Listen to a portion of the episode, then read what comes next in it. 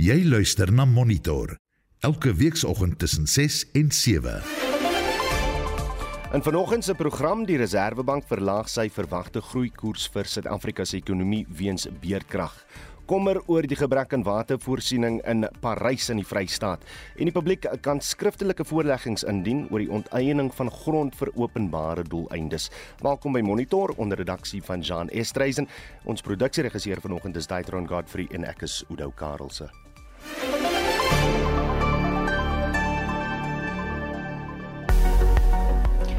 Goeiemôre, ek is Estie de Klerk by die reisigersweer vir vandag soos uitgereik deur die Suid-Afrikaanse Weerdiens. Twee weerwake is vir vandag uitgereik.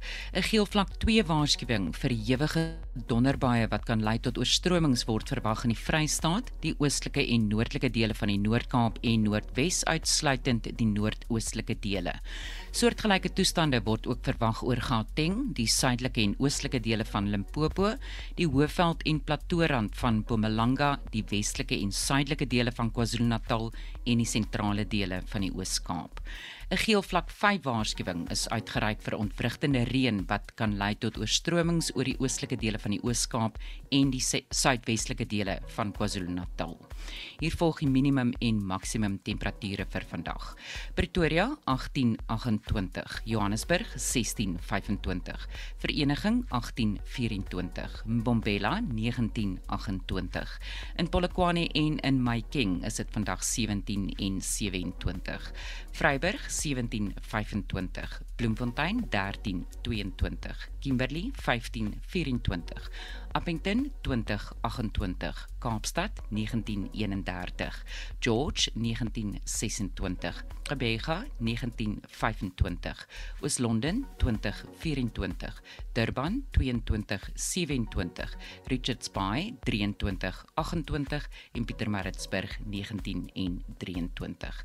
Vir meer inligting besoek die Suid-Afrikaanse Weerdienste webwerf by www.weathersa.co.za.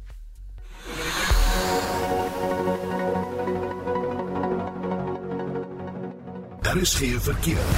Goeiemôre, ek is Bianca Olifant met die verkeersnuus vanoggend. In Gauteng in Johannesburg op die N1 Noord net na Rigel Rylaan staan 'n voertuig in die linkerbaan en in Kaapstad op die N2 stad in net na Jakes Gerwel Rylaan was daar 'n botsing en die regterbaan is versper. Verwag vertragings. Indien jy enige ander verkeersnuus het, stuur vir ons 'n SMS na 45889 teen R1.50 en begin die boodskap met die woord verkeer.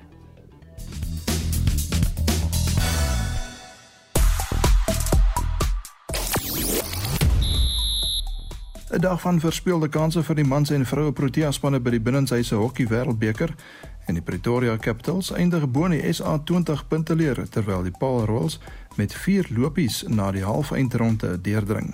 Ek is Shaun Schuster vir RSG Sport. Op sosiale media praat die mense oor die parlementêre portefeulje komitee oor toerisme wat eenparig besluit het dat die 1 miljard rand se borgskap ooreenkoms van SA Toerisme aan die Engelse sokkerklub Tottenham Hotspur onmiddellik gestaak moet word. En hy het dit. Nou waaroor wil ons vanoggend gesels? Wel, verskeie politieke partye en burgerregte groepe dring daarop aan dat president Cyril Ramaphosa môre daadwerklike planne in sy staatsrede aankondig om die kragsituasie beter te bestuur. Ander rolspelers soek oplossings vir die hoë werkloosheidssyfer, die voorkoms van geslagsgeweld en die swak infrastruktuur. Wat sou jy graag van ons president wil hoor. Kyk net na die boodskap op Facebook Almarie Koronie sê ek wil nie beloftes hoor nie, ek wil aksie sien. Hy weet hoe om te praat en mense hou gewoonlik van wat jy hoor maar daar kom niks daarvan nie. Stuur vir ons 'n SMS na 4588919 R50 per bood, boodskap. Jy kan maak soos Elmarie gemaak het en praat bietjie saam met ons op die Facebook bladsy. Uh of jy kan 'n stemnota stuur op WhatsApp na 0765366961. Jy luister na Monitor. Elke weekoggend tussen 6 en 7. Dis byna 10 minute oor 6. Die minister van Handel, Nywerheid en Mededinging, Ibrahim Patel, sê nywerheidsontwikkeling in die groen energie sektor kan help om ekonomiese groei en geleenthede op Afrika vasteland te bevorder. Patel het gepraat tydens 'n sessie oor die belegging in 'n groen waterstof-ekonomie by die mynbou Indaba in Kaapstad. Kom in Augustus het meer besonderhede.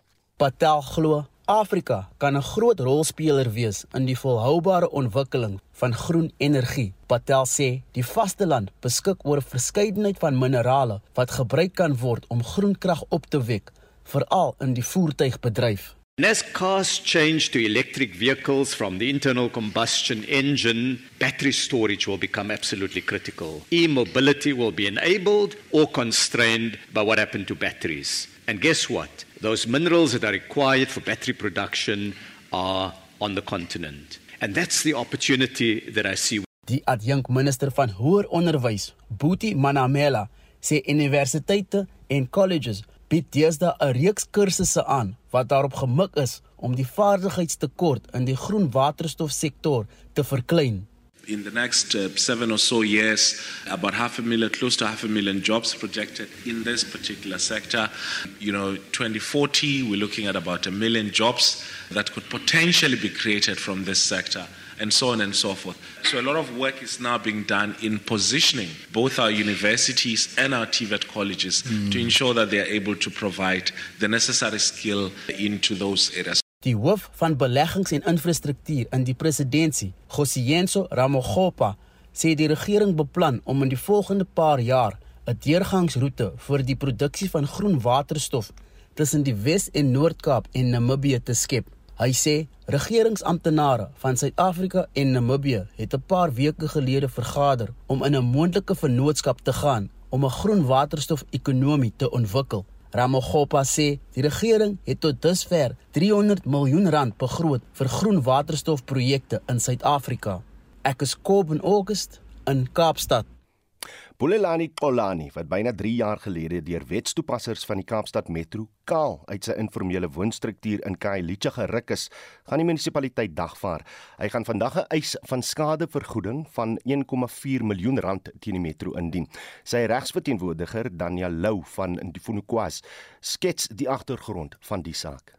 Die plekkie wat hy nou ingebly het, het hy ingebly en 'n paar dae nadat hy opgesit het, het law enforcement kom gepatrolleer en hulle het gesien maar hierso is dan nou 'n nuwe plekkie wat opgesit is en hulle het vir Mr Kolani toe nou uitgesit in daai horrible manier waar Mr Kolani besig was om homself te was binne in sy huis en hy het vir hulle gesê hy sal uitkom hy hulle moet net vir hom tyd gee maar hulle het toe nie van dat tyd gegee en hulle het besluit nie maar ons gaan net sommer nou uittrek en hy probeer toe terugkom in die huis om homself te bedek. Natuurlik het hy ook beserings opgedoen in daai worsteling. Hy het teruggekom in sy huis en die officials het toe aangegaan om die huis te demolish met hom wat binne in sy huis sit. So Daniel, watter wette het die wetstoepassingsbeamptes nie toegepas nie? Dit kom nou terug oor die disaster management regulasie. En die kernregulasie daar was dat there can be no eviction. There was an eviction moratorium. En die tweede ene is dan nou die PIVET.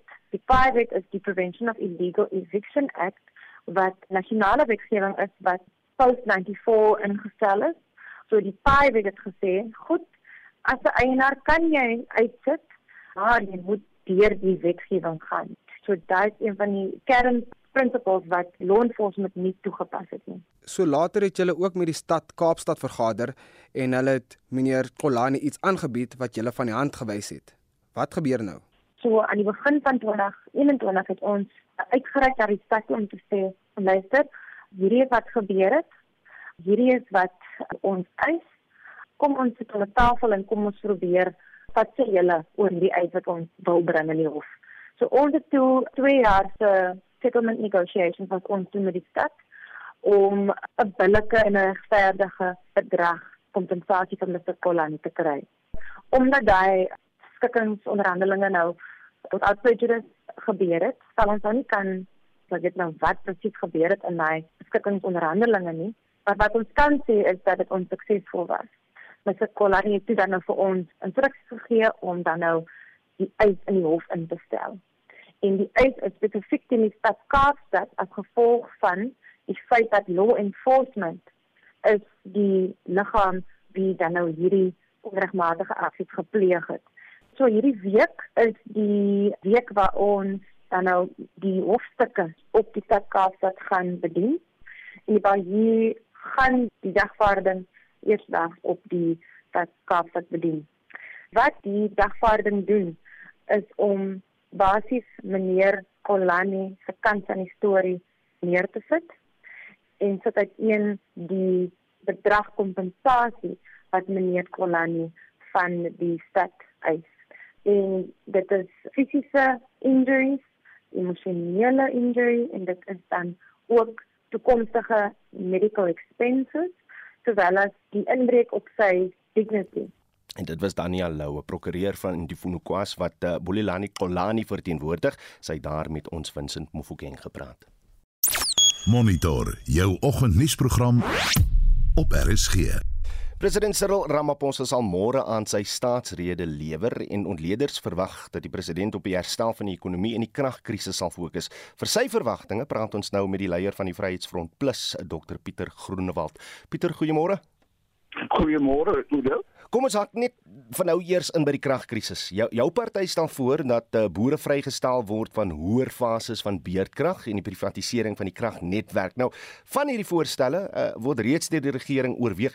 Hoekom vat dit so lank oor hierdie kwessie van die kwytskelding aan boere van beurtkrag? Wel, ek dink dit is 'n reeks met probleem met die regering en ook die president dat hy sê baie dinge, hy maak beloftes. Hy doen die regte ontleding om te sê wat is die probleme en wat is die krisis maar ons sien nie dat daar in die praktyk iets daaraan gedoen word nie.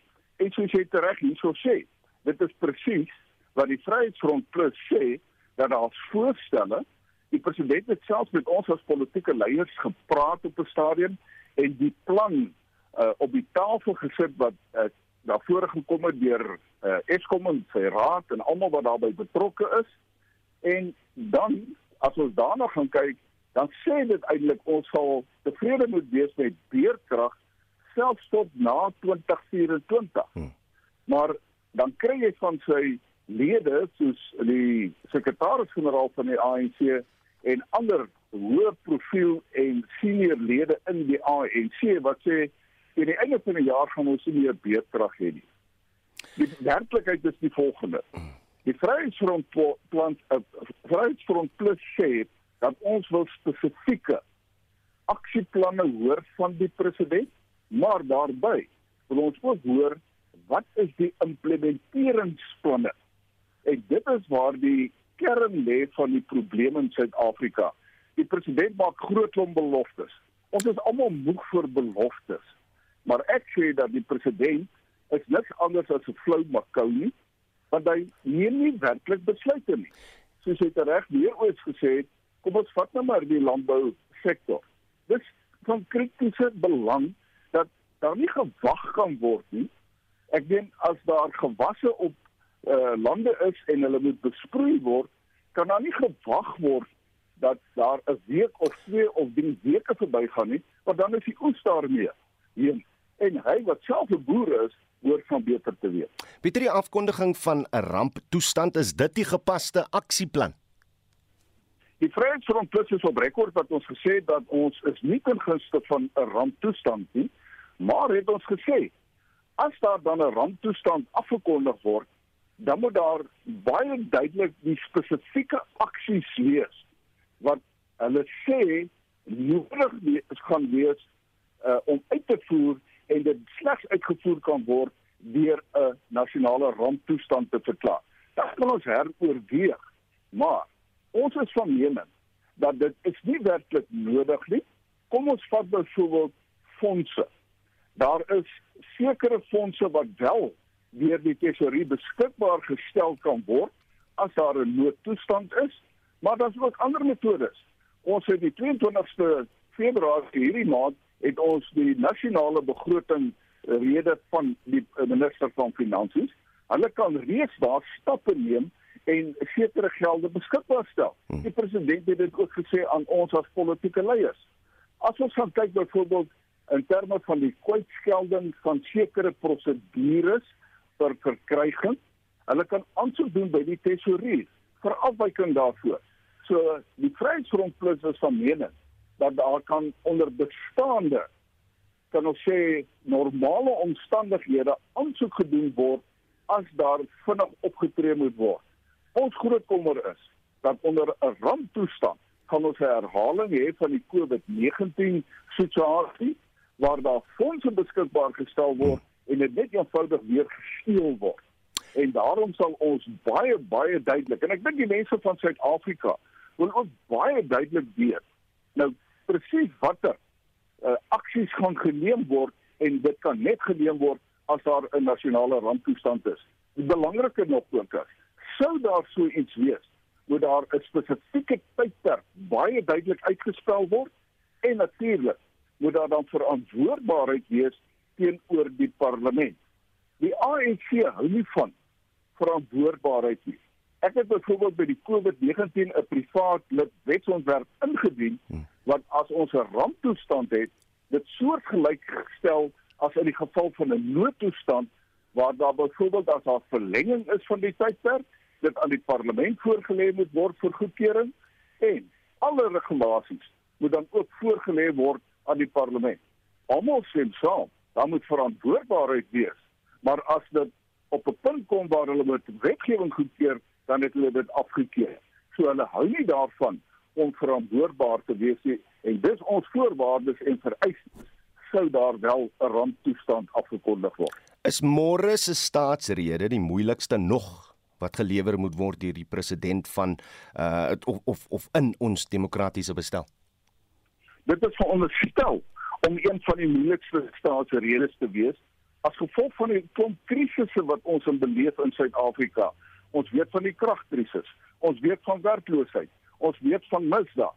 So dit behoort eintlik 'n uiters moeilike staatsrede te wees vir enige verantwoordelike en verantwoordbare president. Maar ek is jammer om te sê vir president Ramaphosa gaan dit nie 'n moeilike staatsrede wees nie, want hy gaan net weer 'n klomp beloftes maak. Hy gaan maar net herhaal wat hy by vorige kere gesê het. Hy gaan dit maar net herrangskik in ander volgordes en ek dink nie hy dink dat hierdie verskriklike moeilike staatsrede wat hy moet lewer nie. Ons gaan weer 'n keer hoor wat gedoen moet word. Maar daar gaan nie gesê word hoe dit gedoen gaan word nie. So vir my en vir jou as gewone burgers van Suid-Afrika behoort dit 'n moeilike situasie te wees want ons het almal een of ander manier wat ons beïnvloed word deur 'n krisis. Ek dink die kragkrisis is die mees algemene krisis wat deur feitelik almal in Suid-Afrika beleef word.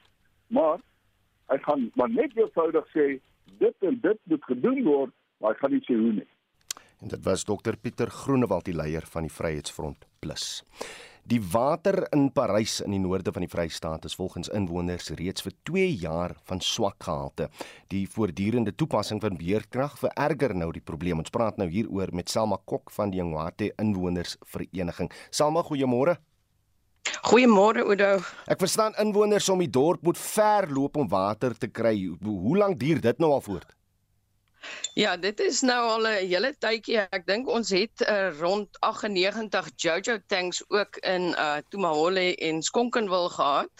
Maar dit is nou drasties verminder want ons het 'n bietjie protesaksie gehad. So nou moet die mense na ehm um, na boorgate toe loop en as jy ehm um, gelukkig is, werk jy by iemand wat vir jou water kan huis toe gee. Nou ja, die verste omtrent is omtrent 6 km as jy dan moet huis toe loop met 'n 5 liter fles water water. En ehm um, ja, so as jy nie iemand in die huis het wat dit vir jou kan gaan haal nie en jy is uh bejaard 70 of 80 Ja, dan het jy dan het jy 'n probleem, weet jy, so sommige mense sit al 3 jaar ehm um, ek was maandag by iemand wat al 3 jaar geen water in die kraan gehad het nie. So ja, dit is nogal 'n ding. En hoeveel erger maak die beerkragsituasie nou die waterkrisis? Ja, die beerdkragsituasie is 'n bietjie uh rof want ehm um, daar's 'n aantal faktore. Ons het 'n uh, ehm um, 'n verminderde pompvermoë by ons waterpurifier desertifikasie uh suiwerings uh eenheid. So die water word direk in die pipe gepomp na die huishoudings of na die besigheid. Die volgende oomblik gebeur beerdkrag en dit kan dit haal nie die reservoir nie. So jy kan nie druk opbou deur jou reservoirs vol te kry nie. So kom die krag aan, dan begin die situasie maar weer net van voor af. So ehm um, en dit dit frustreer mense veral as jy betaal vir jou water. So ehm um, ja, dit be, dit bemoeilik die die situasie. So as die water weer begin pomp, gaan daar eers 'n stuk 'n uh, hele ehm um, lang ruk gaan daar eers uh, lug deur die pype. So jou watermeter, hy loop op windkrag dan en die teller bly deurgaan. So jy betaal vir wind. So same ons almal weet is daar krag 'n waterkrisis is, is hou dit gesondheidsgevare in. Wat is julle ervaring? Die ervaring is ehm um, jy jy probeer kyk drinkwater, stortwater. Okay, ehm um, gelukkig Parys is baie nat vandag. So in jou informele nedersettings ehm um, uh kry die mense nou reënwater wat hulle met in emmers uh versamel. Maar wat van toilette wat nie gespoel kan word nie? Skoolkinders ehm um, wat eintlik ehm um, ja, risiko loop hmm. ehm um, met toilette wat nie gespoel word nie. Die higiëne is is uh, ja, kan jy vraagtekens bysit. So ja, daar is risiko's aan. Ehm um, mense stuur dikwels foto's van uh van allerlei dingetjies in die in die water. So daar word gesê van, okay, hier kook maar die water asseblief, moenie dit net so suiwer drink nie. So die die gemeenskap het op 'n op 'n sekere punt gekom wat wat hulle al weet hoe om daarmee om te gaan. Daar's kerke wat uh, hulle boorgate beskikbaar stel of privaat eienaars wat hulle wat hulle uh, boorgate en water tot beskikking van die gemeenskap stel wat wat eintlik kohesie in jou in jou gemeenskap bring mm. nie vir die rede wat jy sou wil hê nie maar ehm um, ja so daar daar is risiko's aan verbonde. En dit was Salma Kok uh van die Ngwate Inwoners Vereniging van Parys in die Vrystaat. Salma baie dankie vir jou tyd hier op Monitor. Die publiek het tot die 6de Maart tyd om skriftelike kommentaar te lewer op 'n voorgestelde wysiging aan die onteieningswetsontwerp. Nou die wetsontwerp maak voorsiening vir die onteiening van eiendom vir openbare doeleindes of in die openbare belang. Ons praat nou hieroor met uh Agbus se hoof van regsintelligensie en dit is natuurlik Annelies Crosby. Annelies, goeiemôre. Goeiemôre. Ehm um, wat behels die voorgestelde wysiging? Kyk, hierdie ding kom 'n baie lank pad, al omtrent van 2013 af. En dit is bedoel om die 75 onteieningswet te vervang. Ehm um, so tot 'n baie groot mate stel dit die proses daar wat moet gevolg word wanneer daar 'n onteiening is. Maar daar het toe nou hier ehm um, rondom 2018 ehm um, nuwe voorstelle in in die wetsontwerp ingekryp om ook voorsiening te maak vir 'n situasie waar onteiening en sekere omstandighede sonder vergoeding kan plaasvind. Is daar nou duidelikheid oor wanneer daar wel vergoeding betaal gaan word en wanneer nie? Weet jy, daar is daar is riglyne en um, wat baie belangrik is is daar is natuurlik ook duidelike riglyne aan die grondwet want hierdie wetsontwerp is ook onderhewig aan wat die grondwet bepaal. Maar ehm um, dit tot 'n groot mate dink ek gaan dit maar van die howe afhang want dit is ook 'n kwessie van hoe presies daai bewoording wat nou in die artikels 12, 3 en 4 van die wetsontwerp vervat is oor omstandighede waar binne 'n nulvergoeding 'n moontlikheid mag wees oor hoe die howe dit gaan interpreteer en toepas. Want openbare doeleindes is maar hy's 'n breë definisie is hy nie. Dit is inderdaad so dat soos jy gesê het dit maak voorsiening vir twee omstandighede openbare doel wat nou in iets soos 'n dam of 'n pad of wat ook al wat ons almal redelik duidelik oor is, maar die die openbare belang um, is 'n redelike breë konsep en daar kan natuurlik ander ander verskillende faktore teen mekaar afgeweeg word uiteindelik wanneer dit kom oor die vraag of iets nou in die openbare belang is of nie. So as dit dan kom by Agbus se siening hieroor, watter aspekte van die wetsontwerp is vir julle 'n rede tot kommer en wat gaan julle daaroor doen? ehm um, dis baie van hierdie goed is, is daar is daar positiewe en negatiewe dinge. Ons ons het ongetwyfeld 'n nuwe onteieningswet nodig, dis gesê die huidige een kom van die 2024 af. Ehm um, die die prosesse en goed wat voorgeskryf word in hierdie wetsontwerp is eintlik heelwat strenger en duideliker as die prosesse in die 75 wet. So dis 'n positiewe ding. Ehm um, daar word voorsiening gemaak nou in die jongste weergawe dat ehm um, enige ander partye wat ook 'n belang in die eiendom mag hê, tipies jou, jou finansiële instellings wat dalk 'n verband mag hou, nou ook geraadpleeg word in die hele proses. Maar die twee punte van kommer wat daar nog al die pad bestaan, um, is in die eerste plek rondom die definisie van onteiening. Hmm want daardie definisie is baie eng geskryf. En in terme van die grondwet is enige iets wat nie onteiening is nie, hoef nie voor vergoed te word nie. Ehm um, so dit die beste sou wees as daar geen definisie is nie om die howe toe te laat om in elke omstandigheid te gaan kyk kom hierdie meer op 'n onteiening waar iemand behoort vergoed te word of kom dit nie meer op 'n onteiening die ander is hierdie artikel 12 12 3 en 4 wat die voorsiening maak vir die nulvergoeding wat nie op sigself noodwendige probleme is nie maar dit is weer nogal wyd bewoord. So daar is vyf kategorieë van goed wat spesifiek genoem word omstandighede waar die howe waarskynlik tot gevolgtrekking sal kom dat 'n nulvergoeding ehm um, van toepassing kan wees maar hy is hy is so bewoord dat dit nie net beperk is tot daardie tot daardie vyf um, omstandighede. Nou weer eens dit is darm onderhewig aan die grondwet en die grond grondwet se toets uiteindelik is dit moet ehm um, dit moet billik en regverdig wees. Die resultaat moet moet billik en regverdig wees. Ehm um, so van hier af is dit belangrik ehm um, vir ek en vir al die ander ons uh, organisasies en individue wat 'n belang hierby het. Ehm um, ek het om die proses verder dop te hou en insette te lewer en is nou weer eens 'n geleentheid vir inset binne die nasionale raad of provinsies om maar die goed weer uit uit te lig waaroor daar kommer te besta, uh, bestaan um, en die hoop dat mens dit nog kan aanspreek. Ehm um, en dan dit moet die moet die ding nou sê sê pad loop moet ons sien of die die staatspresident so om dit teken met geïmplementeer word en dan ons moet hou om op die implementering en onder watter omstandighede presies dit gebruik word en ook hoe die howe gaan omgaan met spesifiek hierdie hierdie artikels 12 3 en 4. Annelies Krasbeck sê vir baie dankie vir jou tyd hier op Monitor. Sy is die hoof van regsintelligensie by Agbus en natuurlik het die publiek tot die 6de Maart tyd om skriftelike kommentaar te lewer op eh, die voorgestelde wysiging aan die onteieningswetsontwerp. Jy luister na Monitor elke weekoggend tussen 6 en 7. 6:33 in die hoofnuus gebeure. Die dodetal in die aardbewing in Turkye en Sirië het oornag skerp gestyg tot minstens 7800. Die weerdiens waarsku dat hoë temperature en sterk wind vandag oor groot dele van die Wes-Kaap verwag word en later in die program die Verenigde Nasies se ontwikkelingsprogram sê 'n tekort aan werksgeleenthede in die is die hoofrede hoekom jong mense by terreurgroepe in Afrika suid van die Sahara aansluit. Bly by ons ingeskakel.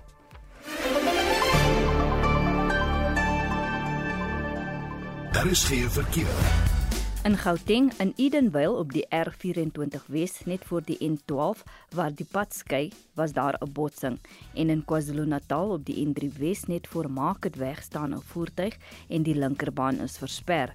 In Kaapstad op die R300 Noord by die N1 stad in oprit is daar 'n verkeersopeenhoping. Verwag vertragings. Indien jy enige ander verkeersnuus het, stuur vir ons 'n SMS na 45889 teen R1.50 en begin die boodskap met die woord verkeer.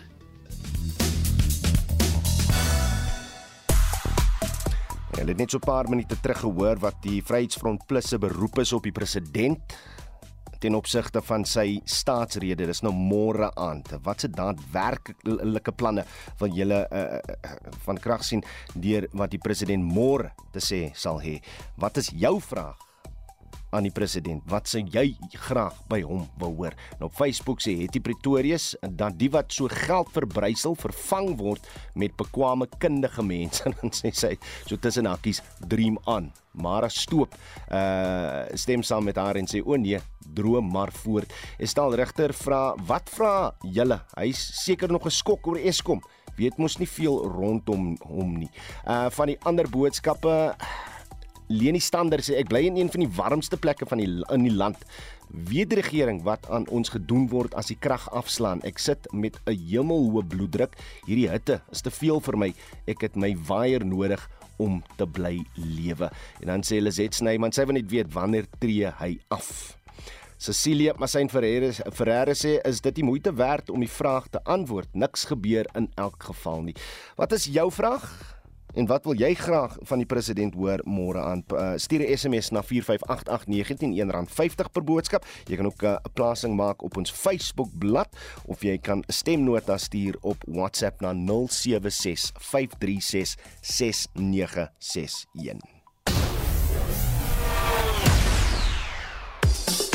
Shaun Jooste staan nou gereed met die jongste sportnuus môre Shaun. Goeiemôre Oudo. Het wat van 'n teleurstellende dag vir die Proteas by die binnenshuise hokkie wêreldbeker. Ja, Oudo, inderdaad, die manspan is nou 4de in groep B op 4 punte na 'n 5-2 nederlaag teen uh, die VSA. Nou hulle kan nog vir die halve eindronde kwalifiseer, maar dit sal vanaand 7uur met 'n oorwinning teen Iran moet begin. Nou, ons vroue span, hulle is ook 4de, maar in groep A net op 1 punt na 'n 2 elk gelyk op uitslag ook teen die VSA. Hulle kan ongelukkig nie meer vir die halve eindronde kwalifiseer nie. Hulle stap vanaand 10 oor 8 in Australië op die baan uit en onthou die toernooi word by die Hartveld Arena in Tshwane gespeel. 'n Laaste opwarmingswedstryd vir ons vroue Protea span op die cricketveld voor uh, die begin van die T20 Wêreldbeker. Dis nou Vrydag teen Sri Lanka. En uh, die SA20 toernooi het lyk goed vir die Pretoria Capitals, maar ook maar net net vir die Paul Royals gisteraand, né? Nee? Ja, Suid-Afrika speel vanmiddag van 0:30 af op Boland Park in Parel in die laaste opwarmingswedstryd teen Pakistan. Dit is natuurlik nou voor die Proteas uh Vrydag aand 7uur op Nieuweland in Kaapstad die T20 Wêreldbeker toernooi teen Sri Lanka. Open net so laaste kans daar om natuurlik nou 'n bietjie te skaaf van daardie hakplekke. En ja, in die SA20 toernooi het die Capitals die Paul Royals gisterand met 59 lopies afgeransel en verseker dat hulle bo aan die punteleer eindig.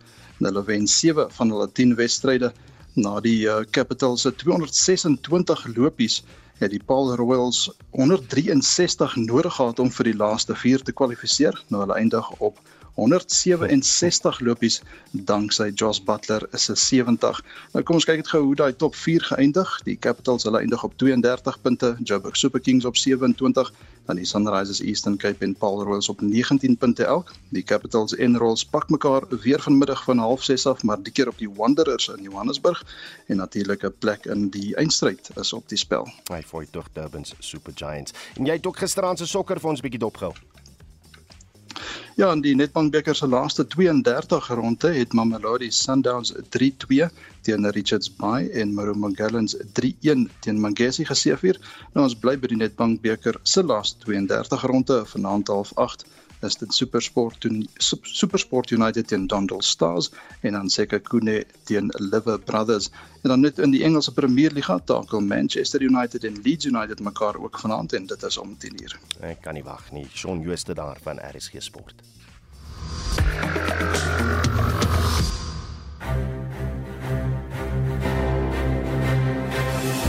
If there ever was a time when we should work together, this is the time for us to work together. Die hele land sit op jete kole en wag vir president Cyril Ramaphosa se staatsrede donderdag aand 9 Februarie. RSG sal regstreeks daai en oorskakel en daarna die toespraak ontleed. Donderdag aand die president se staatsrede 7 uur regstreeks op RSG. Jy luister na Monitor elke weekoggend tussen 6 en 7. Vir wêreldnuus sluit ST nou by ons aan in die wêreld se oos gerig op Sirië en Turkye wat styer na die aardbewing wat reeds so wat 7800 lewens geëis het. Turkye se president uh, Recep Tayyip Erdogan het 'n uh, 3 maande lange noodtoestand verklaar en is die 10 provinsies wat die ergste geraak of liewer in 10 provinsies wat die ergste geraak is. Dis reg, Oudo president Erdogan het gister in 'n televisieboodskap gesê die noodtoestand is om te verseker dat reddingswerk so gou as moontlik in die suidoostelike dele van Turkye gedoen kan word en die noodtoestand maatreëls sal reddingswerkers en finansiële bystand na die streke kan kanaliseer. Meer as 8000 mense is reeds gered, maar reddingswerk reddingswerkers veg 'n verbete stryd teen swaar reën en sneeu op soek na oorlewendes. Die BBC se Anna Foster berig uit die stad Adan in Turkye waar reddingswerkers desperaat op soek is na oorlewendes. This was a 12-story apartment block and on top of this pile of rubble there are rescuers with their bare hands pulling off individual blocks, individual pieces of metal and stone and throwing them down in their search to find anybody alive. They've only found three people so far and this is a huge site. It extends all the way to the road. Further down they've got diggers, they have people moving the earth, really just trying to uncover what is beneath here. 'n Turkse joernalis het aan die BBC gesê mense wat in die puin vasgevang is van geboue wat ineengestort het, stuur video's, stemnotas en regstreekse punte van waar hulle hulle self bevind aan hom en ander joernaliste. Meer as 70 lande het hulp aangebied en duisende soldate en internasionale reddingsspanne neem deel aan reddingsoperasie er, reddingsoperasies in beide lande. Suid-Afrika se Gift of the Givers het ook gister na Turkye gevlieg. Hier is 'n reddingswerker van die Departement van Verdediging in Sirië wat 'n oproep doen om bystand. Our teams responded to all the sites and the buildings Many families now are under the rubble. Our team's trying to save them, to save the, all the people from under the rubble, but it's very difficult task for us. We need help. We need the international community to do something to help us, to support us.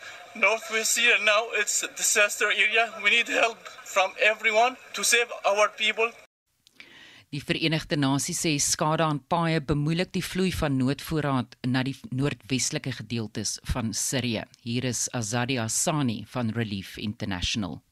This is an emergency of unprecedented scale in this region. We are already having uh, our health facilities overwhelmed with the number of the people. Yesterday, for example, in one of the health facilities, we had 260 cases coming with the injuries of the earthquake, and unfortunately, we lost 60 of those. En dit was Azaria Sani van Relief International. Ons president se beurt kom môre aan vir sy staatsrede, maar ek sien die Amerikaanse president Joe Biden het 'n kort rukkie gelede sy staatsrede vir 2023 gelewer en sy uh, toekomsvisie aan Amerikaners uitgespel. Dit is sy eerste staatsrede sedert die Republikeine beheer oor die Huis van Verteenwoordigers oorgeneem het.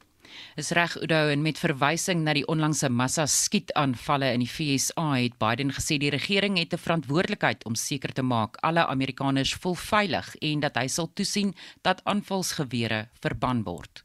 10 years that ban was law mass shootings went down. After we let it expire in the Republican administration, mass shootings tripled. Let's finish the job and ban these assault weapons. Hy het ook verwys na die FSA se immigrasie en abortus wette. Here in the people's house, it's our duty to protect all the people's rights and freedoms. Congress must restore the right that was taken away in Roe v. Wade and protect Roe v. Wade. The Vice President and I are doing everything to protect access to reproductive health care and safeguard patient safety. Well, already more than a dozen states are enforcing extreme abortion bans. Make no mistake about it. If Congress passes a national ban, I will veto it. En dit was die FSA se president Joe Biden. En dit was ons estie met 'n oorsig oor vandag se wêreldnuus gebeure. Monitor jou oggendnuusprogram op RSG. Armoede en 'n swak ekonomie is van die grootste oorsake dat mense in Afrika suid van die Sahara deel word van ekstremistiese groepe. Dit is volgens 'n verslag oor terreur op die vasteland wat pas deur die Verenigde Nasies se ontwikkelingsprogram vrygestel is. Ons praat nou hieroor met 'n senior opleidingskoördineerder van die Enact program by die Instituut vir Sekuriteitsstudies, Willem Elsmore Willem. Goeiemôre Oude. So hoe dra armoede by tot mense wat ek uh, by ekstremistiese groepe aansluit? Ja, uh, as jy kyk na die verslag uh, wat uitgekom het, uh, sal ons sien dat uh, die mense uh, word natuurlik in uh, uh, die die studie was gedoen in lande soos uh, Mali en in Burkina Faso en uh, in Sahel en ook natuurlik in uh, Sudan en in uh, Somalia waar daar nou vir geruime tyd al reeds onstabiliteit is in die regering wat natuurlik ook gelei het tot 'n gebrek aan uh, aan aan ekonomiese groei in die lande en ook natuurlik aan 'n gebrek aan uh, aan aan geleenthede vir die mense uh, om nou uh, natuurlik uh, uh, werk te kry en 'n lewe 'n lewe vir hulle self te maak. En dit is jou jou jou probleem wat jy daar het want hierdie organisasies wat jy nou genoem het soos ISIS en natuurlik uh, Al-Qaeda en Boko Haram in Nigerië, hulle hulle is natuurlik baie opportunisties en hulle uh, zero in op hierdie mense se ongelukkighede en hulle persepsies en dan trek hulle natuurlik voordeel uit die recruitment van die mense ja. Die die die verslag stel voor, dit is nou van die VN dat terreur bestry moet word deur maatskaplike ontwikkeling eerder as deur skerper veiligheidsmaatreëls. Maar maar Willem, hoe doen jy dit as daar nie 'n regering is nie? As as daar beklei word, gestry word, oorlog gevoer word oor wie in beheer is? Ja, dit is 'n baie 'n baie 'n goeie vraag. Jy weet, as jy kyk na lande soos Mali en Burkina Faso wat onlangs 'n staatsgreep gehad het, wat op die oomblik sit met militêre regerings, jy sit met Sudan wat met 'n militêre oorgangsregering sit en natuurlik Somalië wat in afgelope meer as 20 jaar uh, ook 'n gefaalde staat is. Uh, dit is baie moeilik om om in daai omstandighede natuurlike ekonomie daar te stel uh, wat kan groei en wat natuurlik uh, kan kyk na die mense. Jy sit met die met die met die probleem dat uh, die respons van die regerings en natuurlik uh, uh, ja die internasionale gemeenskap in terme van die van die vredes uh, magte wat ingestuur word. Uh, uh, die strategie wat ons gebruik het die afgelope uh, 20 plus jaar uh, het nie regtig gewerk nie. Soos wat hulle ook sê in die in die verslag. Jy weet, ons fokus om om om om uh, stabiliteit daar te bring en ons gaan in met 'n militêre mag, uh, maar dit is waar dit stop. Ons gaan nie daai oorgang wat hulle daar noem wat wat wat begin kyk na jou ontwikkelingsgedrewe uh, inisiatiewe wat dit wat wil kyk na die heropbou van die lande nie. En dit is waar ons op die oomblik val. Kom, kom ons gebruik net gou 'n konkrete voorbeeld net hier noord van van ons grens. Die humanitêre situasie het verlede jaar in Mosambiek versleg te midde voortsleepende aanvalle deur 'n groep verbind aan die Islamitiese staat wat daar bekend staan as Mashababos of Al-Shabaab. Die ingryping in hierdie situasie uh, is is tot dusver Willem grootendeels 'n militêre een. Wat gebeur tans in die land? Uh, dit is korrek. Jy weet ons sit ons sit met 'n probleem in Mosambiek uh, waar ek dink die die uh die uh mannekrag en en en die die wat wat wat gegee word vir die land in terme van om teen die ding op te staan is nie sterk genoeg. Uh, dit is dit is dit dit word uitgereik oor 'n lang periode uh, wat dan natuurlik nie die ge, die die die uitkomste bied wat ons wil hê op die oomblik nie want eh, die land is nog nie stabiel daar nie. Ons sien daaglikse aanvalle. Ons sien dat hulle kan nie op die oomblik begin met hierdie uh, ontwikkelingsgedrewe inisiatiewe wat natuurlik as deel is van die plan. As ons gaan kyk na die ontwikkelingsplan wat die internasionale gemeenskap daar gestel het vir Noord-Mosambiek, is dat daar sodra daar stabilisering is, moet daar oorgegaan word na ontwikkelingsgedrewe inisiatiewe wat die land sal heropbou, wat die ekonomie sal heropbou, wat ook wat ook wat die wat die persepsie van die bevolking sal draai ten gunste van die regering uh, uh, uh, uh, ten koste van die insurgente. En dit is waar ons op die oomblik val. So voor ons groet wil ek jou mening dan hê. Is is hierdie voorstel leidens die die ontwikkelingsprogram van die VN se se verslag. Is dit haalbaar? Met genoeg met genoeg uh, natuurlik inisiatiewe en natuurlik baie geld uh, sal dit gedoen word maar dis aan die een kant aan die ander kant het jy die politieke wil van die plaaslike regerings ook nodig om in te koop in die ding anders gaan dit nie werk nie. Willem Els, ek sê vir jou baie dankie vir jou tyd hier op Monitor. Hy is 'n senior opleidingskoördineerder van die Enact program by die Instituut vir Sekuriteitsstudies. Die Reserwebank sê sy raming is dat fase 6 beerdkrag die land bykans 900 miljoen rand 'n dag kos. Vir meer hieroor praat ons met Hugo Pinaar, die hoofekonoom by die Buro vir Ekonomiese Onderzoek. Hugo, goeiemôre. Goeiemôre vir die luisteraars. Wat is jou reaksie op die Reserwebank se skatting? Want dis dis natuurlik nie 'n eenvoudige berekening om om te maak nie. Daar's baie faktore om in ag te neem en daarom verskil die ramings oor oor die impak ook. Um, jy weet ek het al syfers gesien dat die, die koste van fase 6 beerdkrag net vir 1 uur van fase 6 tot 500 miljoen rand um, kan wees. So dit beteken as ons 6 ure per dag in fase 6 het, dan kan die koste tot 4 miljard rand um, per dag wees. Maar mens moet onthou dat baie maatskappye en huishoudings het natuurlik die laaste 12 jare maatreëls in plek gesit om om hulle te probeer verstaan teen die impak van beerdkrag en dit verminder natuurlik dan die koste van Um, maar natuurlik ons ons kan dit nie heeltemal weggee nie. So as en al dink die reservebank se berekening gee ons 'n goeie basis om te dink oor die koste van beerdkrag. Die die Reservebank het dan ook nog verder uh, sy voorspelling vir werklike groei in Suid-Afrika se bruto binnelandse produk vir die volgende 3 jaar na 0,3%, 0,5% en 1% verminder. Wat is die hoofredes hiervoor? Maar die belangrikste rede het ons nou net oor gepraat hmm. en dit is Eskom en en en die veldheid van van weerkrag. So die reservebank se aanname oor die intensiteit en ook die gereeldheid of kom ons sê die frekwensie van weerkrag is albei in die verkeerde rigting aangepas. Met ander woorde die bank verwag nou meer gereelde beurtkrag op 'n hoër vlak. So meer fase 4 en 5 byvoorbeeld as wat hulle van tevore in ag geneem het. So dit is die vernaamste rede vir hulle abortse groei aanpassing, maar dan lig hulle ook ander logistieke probleme uit soos met die spoorweë wat ons uitvoerbedenste uh belemmer. Dan ons het net um, gister weer het die minerale raad van Suid-Afrika 'n verklaring uitgesit en hulle raam dat Suid-Afrika verlede jaar 50 miljard rand in uitvoerverdienste kwyt is weens die ondoeltreffende spoorweë. So so dit dit is maar grootliks logistieke probleme uh, waarna die Reservebank verby sit in hulle afwaartse groei aanpassing. Praat het nou die dag gesê hulle hulle kort wat is dit byna 80 miljard rand om om dinge reg te trek met ons spoorweë. In indien daai geld nou gegee word uh, gaan dit hierdie hierdie uh, wys gaan dit enigsins uh, bydra tot tot uh, korttermyn tot tot uh, groter groei in Suid-Afrika.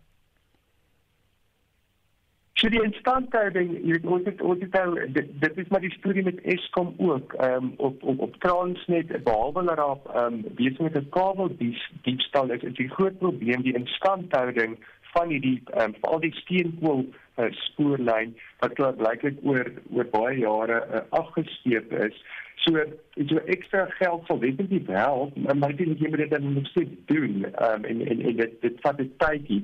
So ek dink soos met die Eskom krisis is dit nie regtig 'n 'n baie korttermyn uh, oplossing nie, maar as daai kom ons kom ons argumenteer nou die 80 miljard rand of wat ook al die bedrag is, uh, uh, Transnet uh, kry daai daai fondse en hulle benut dit doeltreffend uh, om hierdie spoorlyne uh, op te knap, dan uh, is daar geen twyfel dat oor tyd uh, behoort ons uitvoerdienste dan nou uh, uh, so te kry.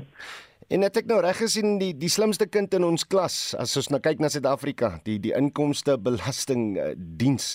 Hulle is nou bekommerd dat uh, hulle hierdie jaar minder belasting gaan inwin juis omdat mense reeds sukkel. Dit dit dit gaan seker ook 'n uh, 'n uh, groot kommernis wees. Ja, ek dink ek ek, ek dink veral uit 'n uit 'n maatskappybelasting uh, oogpunt Udo. Ehm so ons het die laaste klompie jaar het, het die inkomste diens 'n groot meevaller gekry veral uit die mynbou uh, sektor waar kommoditeitspryse uh, hoog was. Nou van daai pryse is is is nou uh, aan die afkom al die steenkool uh, prys Ehm um, so daai leefvaller as jy dit vorentoe kyk, uh, dink ons nie gaan gaan tot dieselfde mate meer daar wees nie. Maar dan die punt wat die ehm um, wat die hoof van inkomste diens maak, is dat met die algemene ekonomie wat onder druk is en maatskappy ehm um, winste wat onder druk kom weens die aansienlike koste van van weerkrag gaan nie jy weet gaan gaan dit ook 'n negatiewe impak begin hê op op die die staats uh inkomste. Reg, hoe kan dit wat môre aand uit die president se mond uitkom help? Ja, ek is altyd bietjie skepties oor oor oor iets soos 'n soos 'n staatsrede. Ek dink so wat uit sy mond uit gaan kom gaan gaan ons absoluut niks help. Ek weet dit dit of wat uit sy mond uit kom op dit ehm um, oorgeskakel word in in werklike aksie. Ehm um, jy weet as dit die geval is, jy weet dan dan help dit ons. So ek dink die die groot ehm um, fokus gaan maar wees op ehm um, die elektrisiteitskrisis en op die president enige verdere stappe aan aankondig um, om om om om dit te help. Maar ek wil ook sê vir hierdie week um, vir my die, die groot storie is net so seer die die staatsrede nie. Dis waarskynlik meer die die kabinet skommeling ehm um, wat wat ook op hande is en wat ons dink op hande is ehm um, en tot watter mate daar nuwe bloed in die kabinet ingebring word ehm um, uh met nuwe mense met uh hopelik jonger mense uh met nuwe denke oor hoe ons uh Suid-Afrika se se probleme of kom ek sê met nuwe energie uh oor hoe ons Suid-Afrika se se vele probleme kan kan probeer oplos. Ja, hopelik kry ons môre aan te 2 for 1 special, maar Hugo Pinaar, ek sê vir baie dankie vir tyd hier op Monitor, is die hoof-ekonoom van die Buro vir Ekonomiese Onderzoek. Daar is geen verkeer. In Gauteng in Johannesburg op die N3 Oos net voor Linfield Park wisselaar staan 'n voertuig in die noodbaan en in Kaapstad op die N1 stad uit net na die klapmoets oprit was daar 'n botsing en die regterbaan is versper.